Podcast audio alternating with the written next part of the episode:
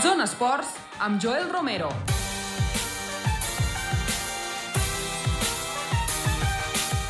Molt bona tarda i benvinguts a aquesta nova edició del Zona Esports. Evidentment, avui encedant setmana, perquè és dilluns, un servidor, Joel Romero, acompanyat a les vies de so de Ricard Porcuna. La veritat és que Avui ho fem de bon grat, eh? perquè tenim la victòria del Futbol Club Andorra, també tenim la victòria del Morabanc, comentarem alguna coseta més, així que doncs, aquest serà bàsicament aquest plat fort. També hem tingut Rally d'Andorra i també hem tingut, en aquest cas, un factor molt important, que és la gran fondo en campes de la casa. Per tant, mirarem de comprimir tot això que, que us estic comentant ara per iniciar aquesta setmana al Zona Esports.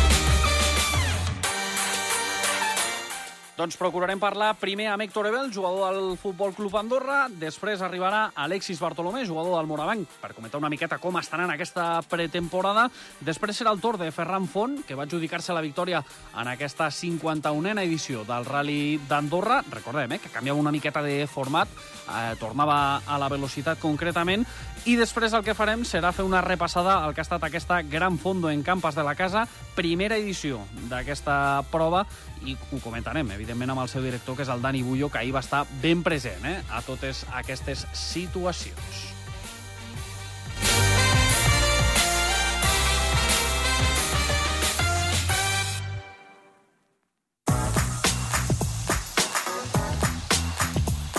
Zona Marcadors.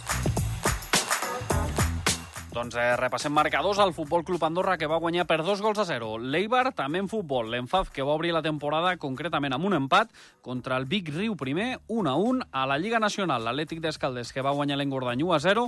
Inter i Futbol Club Santa Coloma, que van empatar a 2. Unió Esportiva Santa Coloma i Penya Encarnada, que van empatar a 1. Sant Julià va guanyar per la mínima a l'Ordino per un gol a 0. I després en bàsquet tenim a les dobles victòries, concretament del Morabanc, contra l'Alacant, 72 a 56, contra el Bayern de Munic, eh, 66 a 64, victòria de prestigi.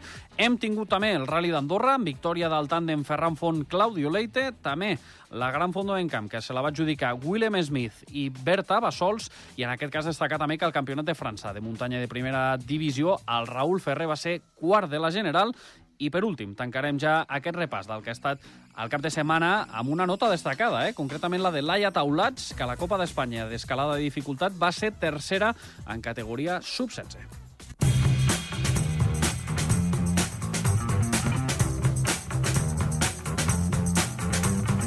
Zona Actualitat. Doncs actualitat que passa, evidentment, per aquesta gran victòria del Futbol Club Andorra, que va tenir diversos protagonistes. Literalment, jo et diria tot l'equip, però sí que és veritat que podríem destacar alguns noms. Mica Mármol, que va estar imperial en defensa, Carlos Martínez, que tornava a la titularitat, que va fer un molt bon partit, i, evidentment, els golejadors, tant Sergio Molina com Héctor Eiból. I, precisament, per comentar-ho tot plegat, ja ens escolta a aquest darrer protagonista, que és Héctor Eiból. Héctor, buenas tardes. Hola, muy buenas tardes. ¿Cómo estás? Pues muy bien, la verdad. Muy contento por la victoria de este fin de semana y, y nada, a seguir así. Qué chicharro, ¿eh, Héctor? sí, la verdad es que no entró mal. No entró mal, pues eh, controlé, no me lo pensé y mira, entró, entró bien. Ah, habías tenido alguna oportunidad antes, pero sí que es verdad que no, no le habías podido seguramente dar el, el, toque que querías, pero en la última de todas, eh, yo creo que esa sí que es imparable, literalmente. Le sacaste las telarañas a todo lo que había. Sí, la verdad que bueno, eh, tuve un par de ocasiones, bueno, una en la primera parte y creo que dos en la segunda. Y bueno, sí que es verdad que una de esas tres tenía que haber sido gol y, y nada, pues eh, al final la, más complicada entró, ¿no? Y, y, y bueno, eh, le pegué bien y, entró por donde entró, ¿no? Y muy contento, la verdad. Pero bueno, sobre todo contento por, por lo que hicimos como equipo, eh, que la verdad que les dimos un, un menú bastante bueno y, y bueno, yo creo que todo el equipo estuvo bien, estuvo estuvo muy, muy bien en defensa, muy bien en ataque y, y se lo pusimos muy complicado a, a Leibar. Eh, Héctor, no nos engañes, le, le queríais dar emoción, ¿no? Con el 1-0 pensasteis que, que bueno, que, que, había que darle un pelín de emoción porque si no, no tenía gracia. Hombre, sin sufrimiento no, no se alegra tanto cuando se gana, ¿no? no, pero sí que es verdad que, que tuvimos muchas ocasiones como, como equipo y, y una por ejemplo de Germán, otra a lo mejor que tuvo Carlos por ahí, después bueno yo tuve un par, eh, después el, el, el, chico nuevo, el griego eh, Christos también tuvo una ocasión o dos, O sea, tuvimos ocasiones ba- bastante claras y buenas para, para meter más, más goles y al final, bueno, pues eh, no quiso entrar hasta el último minuto casi. Lo dejáis lo mejor para el final, que tampoco está mal. Eh, yo, yo he empezado, evidentemente, pues, buscándote un poquito por esta ocasión que, que hicisteis. Lo que pasa que también es verdad, y vale la pena destacarlo, que yo creo que si- sin lugar a dudas es el mejor partido de, de lo que llevamos de temporada. Sí, yo creo que, que, que el partido en casa contra el Granada ya fue bueno, pero el partido contra el Eibar yo creo que eh, un poquito mejor porque dominamos un poco más. Yo creo que en ese sentido estuvimos más acertados, eh, pero bueno, yo creo que los dos partidos que hemos jugado en casa han sido muy buenos. Los de fuera de casa se nos complica un poco más, pero, pero es normal. Hemos jugado seis partidos y, y cuatro han sido fuera. Tampoco es nada fácil y. y bueno, hemos sacado puntos. Al final tenemos 10 puntos y, y- y estamos bien puestos. Yo, yo se lo pregunté a Eder eh, y te hago la misma pregunta a ti, porque él me lo llevó también al, al factor mental, pero quizá tú me lo sabes definir un pelín mejor. ¿Qué es lo que tiene el Nacional? Porque hoy, repasando datos, desde el 13 de febrero, que perdisteis contra el Villarreal B, eh, Sí. el equipo no encaja una derrota aquí en casa. Bueno, al final nosotros sabemos que, que los equipos que vienen a Andorra eh, no es fácil, ¿no? Al final saben que es un viaje largo, saben que, que jugamos muy bien al fútbol, saben que en casa somos muy fuertes y, y bueno, intentamos aprovechar eso, ¿no? Nosotros jugamos, a ver, un poco con lo mental sí, ¿Mm? pero también sabemos que nosotros eh, confiamos mucho en, en nosotros mismos cuando jugamos en casa. Obviamente eh, confiamos en nosotros cuando jugamos fuera, pero sí que es verdad que, que aquí conoces el campo, conoces el ambiente, eh, conoces el césped, conoces todo, ¿no? Entonces, bueno, intentamos sacar ahí el provecho máximo y, y a partir de ahí, pues intentar que, que los equipos sufran mucho, ¿no? Eh, Héctor, tres jornadas sin perder. eh, la verdad lleváis 10 puntos eh, en los seis primeros partidos. Supongo que viendo el calendario que teníais al principio de temporada, ya hubierais firmado eh, estar como estáis ahora mismo. Sí, sí, la verdad que sí. Si, si, si lo ves antes de, de empezar a jugar, yo creo que lo firmamos. Pero sí que es verdad que, por ejemplo, la semana pasada era un partido para ganar contra el Mirandés fuera. eh, al final se nos complicó más de la cuenta. eh, metemos un gol también en los últimos minutos. ¿Mm? A ver, eh, yo creo que, o sea, dejando fuera el, el partido del Sporting Gijón, yo creo que todos los demás partidos tuvimos ocasiones para ganarlo. Eh, creo que estamos bastante bien, pero yo creo que podemos mejorar muchas cosas más y, y- y estar mejor aún. Eh, la última, es importante aprovechar las buenas rachas. eh, esto ya lo hemos destacado alguna vez en, en la previa de los Sí. partidos.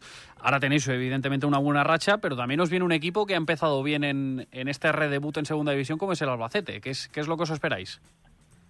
Bueno, nosotros conocemos el equipo de- del año pasado, ¿no? Sí que es verdad que han modificado un par de cosas, pero, pero conocemos el equipo bien. Eh, sabemos lo que es ir a ese campo, eh, que hay bastante afición, sabemos que el campo es grande, que ellos juegan bien.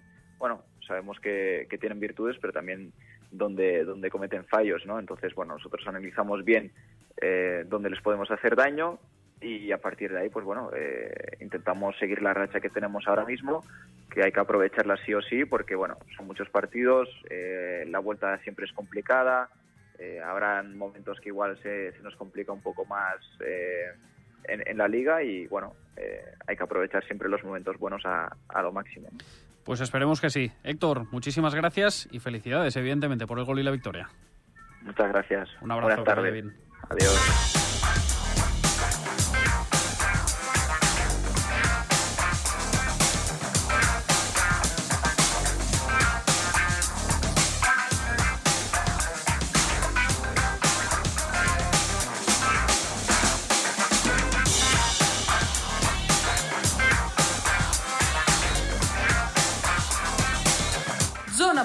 Protagonista. Doncs evidentment qui també ho està fent molt bé en aquest cas és el jugador del Morabanc Andorra, concretament l'equip evidentment també ho està fent molt bé amb una doble victòria en aquesta petita estatge que han fet a Llíria, al País Valencià, amb victòria davant l'Alacant i també contra el Bayern de Múnich i precisament per comentar una miqueta tot des de dins ja ens escolta Alexis Bartolomé. Alexis, bona tarda. Hola, bona tarda. Com estàs? Bé, una mica cansat de- d'aquests dies, però bé. Suposo que ha estat una miqueta tute, no? Ja, ja ho porteu arrossegant unes quantes setmanes, això. Sí, bueno, al final la pretemporada és una mica, és una mica per això, per, per, per estar cansats i, i arribar a tope quan comenci la Lliga. Com heu viscut a, aquest doble partit, eh, tant contra l'Alacant com contra el Bayern de Múnich? Eh, perquè la veritat és que deixa una miqueta sensacions similars, tot i que evidentment els rivals no, no ho són gens de similars. Sí, bueno, contents per, per el treball que hem fet, sobretot, perquè al final aquests partits de pretemporada serveixen per, per treballar coses nostres que, que estem pensant en treballar, per, per aplicar-les durant l'any, i a més a més hem guanyat, així que, que contents. Eh, recordo, eh, per aquella gent que ens escolta, 72 a 56, eh, el primer partit contra l'Alacant, i 66 a 64 contra el Bayern de Múnich. Qui, qui t'ho anava a dir, Alexis, que, que algun dia podria jugar contra un Bayern de Múnich, eh? És veritat que és pretemporada, però clar, és que estem parlant d'un rival d'Eurolliga. Sí, sí, tot i, tot i que els hi faltaven molts jugadors per, per l'Eurobàsquet, és, és, un, bueno, és un equip d'Eurolliga amb jugadors grans, forts, i vamos, molt content d'haver jugat contra ells. No, no m'ho esperava, vamos. A principi d'any, si m'ho arriben a dir, no, no m'ho hagués esperat. I, I el que tampoc jo crec que s'esperaven és el triple de Mika Spite, no? No, allò segur que no. eh, per aquells que no van tenir oportunitat de veure el partit, cistella guanyadora, en aquest cas de, de Mica, que mica en mica, doncs, eh, mai millor dit, va confirmant que, que pot ser un dels líders, sobretot en anotació d'aquest equip. Jo no sé si tu també ho veus així, Alexis, no? que s'està convertint una miqueta en el director d'orquestra i sobretot també en la mà executora, no? com el Johnny D. Sí, bueno, jo ja havia jugat amb el, amb el Mike fa dos anys a, a Oviedo i ja el conec, llavors ja sé de, de lo que és capaç i jo crec que a la gent, al públic de l'Andorra li, li agradarà com juga perquè és un tio molt, molt, molt ràpid, segurament dels més ràpids de la Lliga, i és un, bueno, és un tio que fa aquestes coses. Eh, a mi, Alexis, veient els partits de pretemporada, i evidentment encara falten moltes coses per construir, eh? i de fet ho ha dit el Nacho més d'una ocasió, però em costa trobar punts febles a, a la plantilla que s'ha creat. Tu des de dins, eh, no sé si també ho veus així, és a dir, en el sentit de que sou un bloc molt compacte i molt sòlid, eh, a nivell de que hi ha les virtuts molt marcades de, de cadascun dels jugadors. Bueno, jo crec que al final tampoc podem enganyar ningú. Tenim un molt bon equip per estar a l'Alep i, i ara el, el treball nostre serà això, serà estar, estar junts, estar units, estar compactes i ser un bloc eh, molt difícil de guanyar, que és l'objectiu que volem assolir. Tu ja t'ho coneixes bé, això. Eh, et coneixes bé la categoria, el Nacho també, de fet, eh, vau estar tots dos plegats a Oviedo. Què és el que em podries dir? Ara que ja, mica en mica, ja va quedant cada vegada menys eh, de cara a aquest inici de Lliga, què és el que heu de fer sí o sí? Perquè, a més, també debuteu fora de casa, que això suposo que també li dona un pelet més de dificultat. Doncs sí, la veritat, serà un partit difícil ja el primer, segur, i bueno, el que hem d'intentar eh, respectar la Lliga, respectar els altres equips. Hi ha equips molt bons que possiblement no tenen noms com els que tenim nosaltres, com els que té el Burgos, com els que té Estudiantes, però són equips molt, molt bons que juguen molt bé a bàsquet. I en aquesta lliga hi ha una cosa molt clara que s'ha de defensar bé i rebotejar bé si a final d'any vols estar en les posicions de dalt. Eh, jo crec que això és una evidència. De fet, a mi m'han parlat molt bé del Leima Corunya. No sé si a vosaltres, doncs, eh, evidentment que també seguiu la Lliga, eh, també us arriba, perquè això que comentaves, no? Estudiantes i Burgos, al final, eh, per pressupost, per història, una miqueta per tot plegat, doncs sempre estan cridats a estar allà. A Lleida, doncs, les darreres temporades amb el Michael, doncs també, teòricament, ha d'estar allà. Però sí que és veritat que per al gran públic, per dir-ho així, no? o per aquells que no han seguit de manera habitual a l'Eport, eh, pot sorprendre, no? Eh, el fet de pensar que, tot i tenir un gran equip, segurament tocarà, tocarà patir de valent. Sí, sí, el que està clar és que l'Alep és una lliga molt dura, com, com ja he dit, i, i té molts bons jugadors, que segurament no són tan coneguts, però són molts bons jugadors i molt bons entrenadors. I és una lliga difícil on tothom pot guanyar tothom. Ja ho vam veure l'any passat, els estudiantes va perdre mm. contra dos dels equips que van baixar i va perdre a meitat d'any partits que ells no es devien ni esperar. Llavors és una lliga molt dura, que sempre hi ha sorpreses, i haurem d'estar preparats per tot això, per, per competir cada partit i intentar guanyar. Eh, Alexis, la darrera que et faig, i una miqueta ja més en clau personal, ho hem comentat alguna vegada, eh? i tu ho vas dir en el moment de la presentació, però ara que ja han passat uns dies, com et veus tu a nivell de rol, a nivell del que pots aportar a aquest equip? No sé si penses que el Nacho realment doncs, està confiant en tu, una miqueta com, com t'estàs veient? Bueno, ara mateix és pretemporada i està jugant tothom bastant, perquè al final són, són és un tema de càrregues físiques mm. que ho porta més el, el preparador que l'entrenador, quasi. Però, evidentment, jo bueno, assumiré el rol que tinguin que assumir, el, el que em vulgui donar el Nacho, i, i intentaré fer-ho el millor possible per ajudar l'equip a aconseguir victòries, que al final és l'objectiu que tenim tots, i, i aquest serà el meu rol. Eh, Si un dia he de fer una cosa, faré, i un altre dia una altra, ja la faré. Doncs esperem que sí, eh, Alexis. Eh, tot, tots estem pendents, eh, evidentment, de, del que succeeixi. Una abraçada ben gran i que vagi molt bé. Adéu, moltes gràcies i bona tarda. Igualment.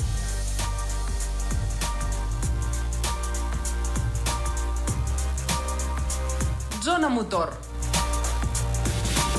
Qualsevol que escoltés el programa el divendres es pensarà que això és un déjà vu, però és que, eh, la veritat, no s'esperava guanyar, però jo no sé si aquest Zona Esports li va donar sort o no, però la veritat és que va adjudicar-se amb la victòria. Ferran Font, molt bona tarda. Hola, què tal? Bona tarda. Eh, ja, jo t'ho he comentat en privat, eh? El Canito sembla que, que t'ha donat sort. Pues, doncs potser sí. No, no estava previst això, però bueno, eh, gràcies. Si, si va ser així, gràcies. Estem parlant, evidentment, d'aquesta victòria a la 51a edició del de Andorra Rally Full Slip, perquè recordem que ha canviat de, enguany de, de nom i també de format. I jo crec que això, Ferran, també t'ha beneficiat, no?, el fet de tornar cap a la velocitat.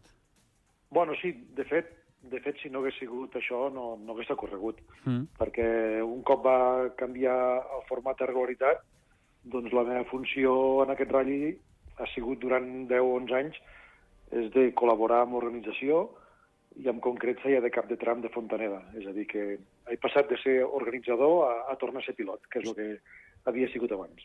I a tornar a guanyar, Ferran, perquè el 2011 sí. també vas guanyar i has dit, bueno, ja que tornem a la velocitat, doncs tornem a les velles costums, no? Sí, evidentment. La idea, la idea era, era córrer i veure què passava, no? Perquè quan comences un ratll no saps mai com estarà la competència de forta. Mm. I dir abans de començar que guanyaràs eh, és difícil, no? Perquè, a més, feia tants anys que no, que no estava involucrat, que no sabia massa qui vindria, quins pilots, quines mecàniques, i, bueno, i al final ha sortit bé. Eh, per donar una, mi, una miqueta de, de marge i també de crèdit, evidentment, que crec que ho mereix el Claudio Leite, no? que també et va acompanyar, és a dir, vas tenir un acompanyant de luxe. Sí, tant. A més, un acompanyant de luxe i jove, que també això dintre del cotxe es nota, no? Eh, jo ja no sóc tan jove, i el fet de tenir algú al costat amb motivació i, i al mateix temps experiència, doncs eh, ajuda que també les coses surtin millor. Vas treure del garatge una autèntica relíquia, eh? Un dels millors cotxes segurament que ha passat per la velocitat, que és aquest Forest Core. Bé, sí, és un, és un vehicle interessant, eh? tot i que té 43 anys, perquè és de l'any 79. Però molt ben portats. Bueno, portats exacte, perquè s'han fet les revisions que toca i, i s'han canviat peces que, evidentment, ja per seguretat eh, és millor canviar-les, no? Però sí que és un vehicle que ofereix moltes, moltes prestacions i al mateix temps satisfacció al pilotar. Eh, una miqueta com, com t'has vist, Ferran, sobre, sobre el cotxe? Em, em comentaves que ja feia temps que no havies tingut l'oportunitat. Suposo, evidentment, que aquests 80 quilòmetres de trams cronometrats, els nou trams, eh, una miqueta aquest format que s'ha plantejat enguany, tu des de dins com, com ho has vist? Doncs bé, el format, jo crec que el format és bo, el fet de que sigui només un dia en lloc de dos també és correcte. Val més, eh, val més estar corrent un sol dia sencer i, i disfrutar al màxim que no pas parar i tornar a arrencar el primer dia, jo crec. A més, a nivell d'infraestructures andorranes també no carreguem tant mm. el país, perquè el país està tan carregat amb, amb events diversos que, que sí. només falta posar-ne un de més. És a dir, que el format, jo crec que del ratll és, és un 10, és un 10 i crec que es tingui de repetir anys següents. Que hi, ha, hi ha algun aspecte que potser milloraries, eh, Ferran, o, o consideres que aquesta és la línia i que simplement cal persistir una miqueta per aquí? Bueno, jo, jo crec que la, la idea general és bona, però evidentment, encara que jo hagi fet de pilot i, de, i, de, i hagi guanyat el ratll aquest any, farem com sempre fem amb el Toti, amb el Jordi Serracanta i d'altres membres de l'ACA. Ens reunirem d'aquí uns dies i, i farem un briefing i, a més, aquest cop, doncs, mira, podré participar jo amb aportacions des del punt de vista d'un pilot, no?, que fins ara no, no havia tingut. I segur que, que cal millorar aspectes, sempre és millor fer-ho a temps, però en línia general jo crec que ha sigut un, un èxit de ratll. Perquè, a, a, a més, veient, veient una miqueta els participants que hi ha hagut, eh, fins i tot una miqueta sorprenent pels cotxes, eh, que jo crec que això al final també per, de cara al gran públic és el que ens agrada, eh, i en segon terme també pels noms, no? perquè hi havia pilots destacats. Ha estat superbé, la veritat és que no podia estar millor el primer, la primera edició, i a mi m'ha agradat molt que corressin també aquests pilots, no? evidentment m'ho ha posat molt més difícil, però, però això dona, dona credibilitat a, al ratll i amb una victòria, no? És veritat que el Joan i el Gerard corrien amb categories diferents que la meva, però al final també vaig entrar al joc d'intentar intentar anar amb ells a la batalla, no? Mm. Vaig poder aguantar la segona posició durant uns tramos, però després ja va ser més difícil. De les mecàniques també que són són molt diferents. Clar, perquè tu competies amb un pre-88, si no vaig errat, no? I pel que he pogut veure les classificacions finals, després ja ens anem a pre-90, que és una miqueta, teòricament, el que partia com a favorit, entenc.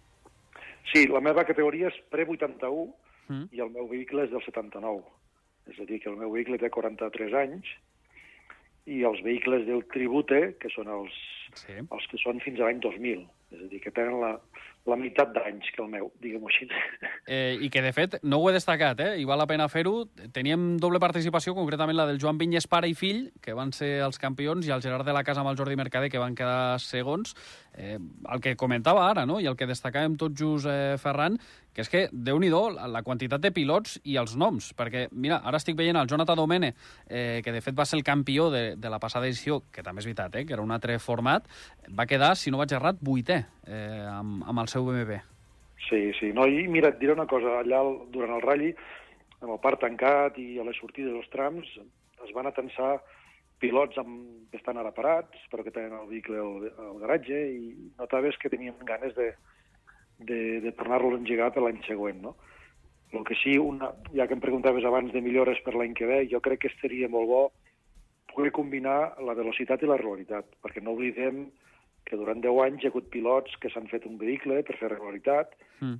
i que ara una mica s'han quedat eh, parats, no? Sí. I jo crec que poden conviure perfectament amb el mateix ratll les dues modalitats, fins i tot es complementen i, i donen un espectacle un espectacle més bo. I, I al final, aquesta és una reflexió que hem fet alguna vegada amb el Toti, eh? eh el que també permet és veure aquests cotxes novament en acció, que, que molts d'ells doncs, val la pena veure'ls perquè són autèntiques relíquies. Exactament, exactament. Som, no, deixem, no deixem de tindre eh, vehicles de col·lecció i, eh, i, i el que fem és ens arrisquem a, a traguer-los en llocs eh, difícils i amb un risc d'accident, no? I, I fins i tot m'atreviria a dir-te, Ferran, pel tema de les peces, no? Perquè al final la gran problemàtica, abans m'ho deies tu, eh? que, que has hagut de modificar algunes peces de, del Forescore, eh, suposo que el fet de que hi hagi aquest tipus de rally que permet treure'ls eh, també ajuda, suposo, que les fàbriques cada vegada s'involucrin una miqueta més a l'hora de tenir material d'aquests cotxes, que suposo que és una de les grans dificultats. Bueno, mira, les fàbriques no s'involucren gens. El eh, que aquí s'involucren és col·leccionistes o, o, o empreses que recuperen materials de tot arreu d'Europa. O de les impressores sí. 3D i elements així, no entenc? Sí, ho centralitzen en un lloc i tu tens accés a aquests proveïdors de peces, no?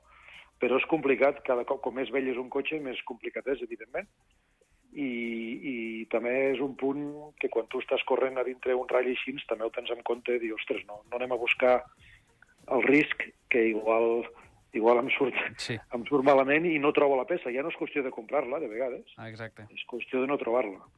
Suposo que al final, i més en un format com és la velocitat, eh, ho has de calibrar absolutament tot. Sí, tot i que de vegades no calibres res i vas a fondo, eh? que, aquest, que aquest dissabte m'ha passat algun cop, eh? Però... T'ha passat a quin tram, concretament? A veure. Bueno, a les baixades, saps què passa? Que el meu vehicle, com que és molt... Bueno, és més vell que els altres que hem dit, sí doncs allà on tenia de compensar una mica la manca de potència eren les baixades. I, i allà doncs, hi van posar hi van posar un cor ben gran, saps? aviam, aviam si recuperàvem alguna cosa. Ja et dic, vam estar mig ratlli fent carreres amb el Joan i amb el Gerard, però després ja a dos trams del final em vaig, em vaig centrar més en la lluita amb el Jordi Ventura, que és el que em podia guanyar, i al veure que, no, que ja tenia avantatge, doncs vaig aixecar una mica, perquè evidentment la, la lluita eh, érem el Jordi Ventura i no, no amb ells dos. Doncs, eh, evidentment, al final t'ha sortit bé l'estratègia, Ferran, cosa que, evidentment, celebrem. Així que agrair-te molt que ens hagis atès i, evidentment, felicitar-te novament per aquesta victòria. Moltes gràcies i bona tarda. Que vagi molt bé. Adéu, Vinga, Ferran. Adéu.